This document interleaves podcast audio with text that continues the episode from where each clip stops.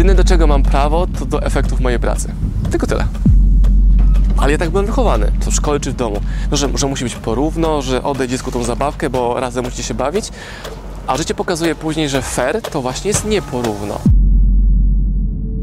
Zobaczcie, jesteśmy w Zatoce, gdzie są przeróżne rodzaje statków, jachtów, większych, mniejszych. Tutaj mamy lerewę.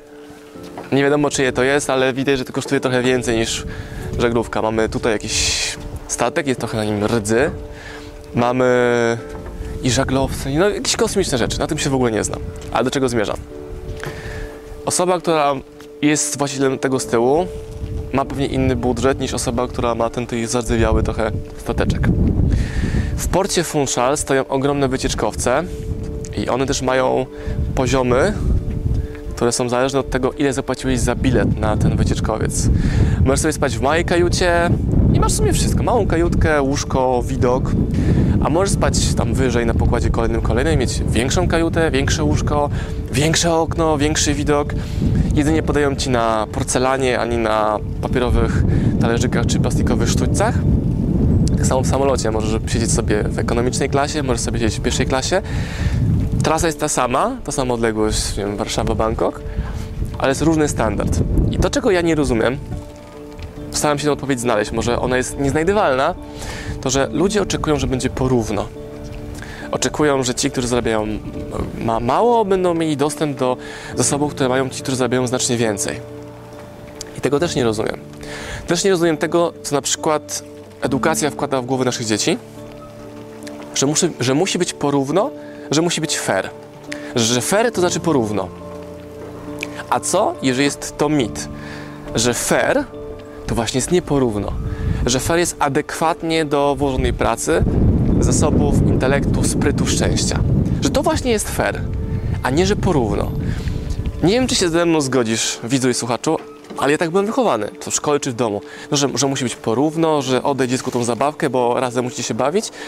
A życie pokazuje później, że fair to właśnie jest nieporówno. I teraz, czemu ktoś, kto pracuje mniej, ma dostać więcej niż ja, który pracuje więcej na przykład? Widziałem kiedyś genialne spotkanie z Adamem Góralem. On jest e, prezesem i twórcą ASECO, takiej ogromnej polskiej firmy.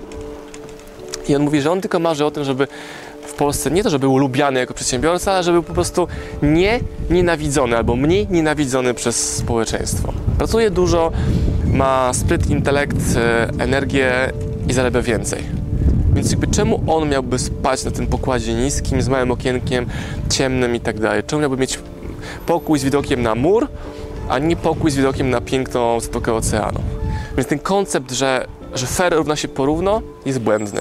Dobra, ale czemu w takim razie nam instalują takie przekonania, że, że jak fair to porówno?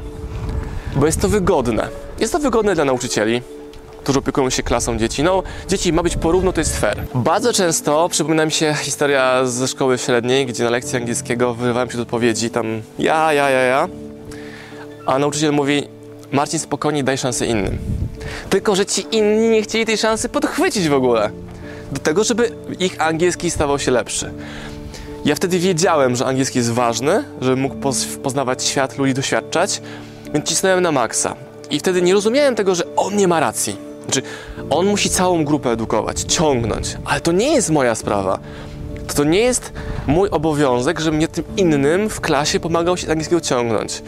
I takie jedno małe przekonanie, taka mała autorefleksja powoduje, że zupełnie inny sposób konsumujesz wiedzę, inaczej się uczysz i rozwijasz, bo wiesz, że to ty egoistycznie jesteś najważniejszą osobą na świecie. Oni nie chcą tej szansy wziąć.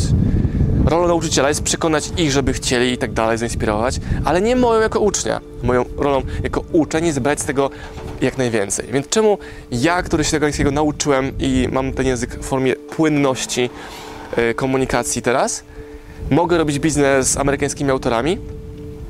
A co gdybym zatrzymał się na chwilkę w tej klasie angielskiego wtedy? No tak musi być porówno, więc ja, ja poczekam, niech też inni się wypowiedzą. I bym słyszał ciszę bo inni nie chcieli się wypowiedzieć. Znowu koncept porówno jest fair? Nie jest ok. Dla mnie koncept nieporówno właśnie jest fair, proporcjonalnie do tego, co ja generuję. Dalej. Moi widzowie wyciągnęli z moich materiałów takie zdanie, które też już sobie żyje, już poza mną całkowicie, że jedyne do czego mam prawo, to do efektów mojej pracy. Tylko tyle. Nie mam prawa do efektów Twojej pracy. Nic mi się nie należy. To, co robisz, jest Twoje. Mam tylko wyłącznie prawo do efektów owoców mojej pracy. Pracuję, mam, osiągam, mam z tego satysfakcję, pieniądze, możliwości, wolność i mogę z niej korzystać, więc mogę sobie kupić tą łódkę, ten dom, albo nie mogę jej kupić. Więc pytanie, co muszę zrobić, żeby mógł sobie, żeby móc sobie ją kupić? Jakie narzędzia, jaki plan, jakie kompetencje? W momencie, gdy padła mi firma, lat temu 12, zadałem sobie pytanie, jaką kompetencję musiałbym mieć, aby ona wtedy mi nie padła.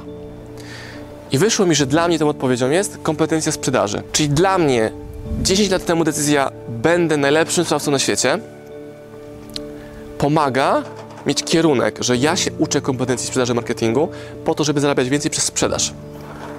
Marketing, pozyskiwanie klienta, obsługę klienta, tworzenie nowych produktów, nowe sposoby komunikowania tych produktów powoduje, że jestem coraz bardziej niezależny, wolny, mam więcej zasobów i znowu, moja przewaga jest wręcz nieuczciwa, bo jest ponadprzeciętnie większa niż tych, którzy są porówno. Czy ja idąc w upgrade'zie tych moich pokładów wycieczkowca, że mogę wyżej, lepiej, więcej, łatwiej działać, wydawać, korzystać z życia, to to jest moja przewaga. I teraz, czy ja mogę sobie kupić któryś z tych statków? Dzisiaj nie. Ale jeżeli byłby to mój cel, marzenie, to bym podporządkował wszystko pod to, żeby właśnie móc, w tym miejscu być. Wydajemy teraz książkę Stevena Pressfielda, której tytuł angielski jest Put Your Ass When Your Heart Wants to Be. I jego rekomendacją byłoby na osiągnięcie tego, byłoby, ok, jak chcesz pływać łódkami, tego krok pierwszy, przenieść swoje ciało w miejsce, gdzie te łódki są. Ciężko jest marzyć o łódkach mieszkając w górach? Więc przenieść się na wybrzeże. Na tydzień, na miesiąc, na dwa, może wynajmniej mieszkanie gdzieś dalej, później bliżej, może zacznie się z tymi ludźmi zapoznawać. Mam e, mojego znajomego mentora Noah Kagena, który chciał być bliżej przedsiębiorców, którzy są tak duzi, że ich jest stać na to, żeby kupić swój private jet. I poszedł na to lotnisko. Zaczął przedstawiać się ludziom, którzy wjeżdżali przez bramę na lotnisko. Hej, czy możesz mi powiedzieć o swoim biznesie? Czy mogę Cię poznać? Czy możesz mi powiedzieć o swoim samolocie? Czy mogę z Tobą polecieć? I tak dalej, i tak dalej. I w pewnym momencie usłyszysz tak, zgody na to, że ci ludzie zapraszają Cię na pokład. I dam link poniżej do wideo na Akegena, gdzie on siedzi na pokładzie samolotu nowo poznanego przedsiębiorcy, który mówi mu, w jaki sposób to osiągnął. To nie daje gwarancji temu, że Kagan będzie bliżej kupna własnego jeta. Może to w ogóle nie jest jego marzenie, ale to jest dostęp do ludzi, którzy w zupełnie inny sposób myślą. Ludzi, którzy żyją na tym pokładzie wyżej. Ludzi, którzy jeżeli coś chcą, idą, płacą i zapominają w ogóle o tym, że jest coś takiego jak cena. Chcesz statek? Proszę bardzo.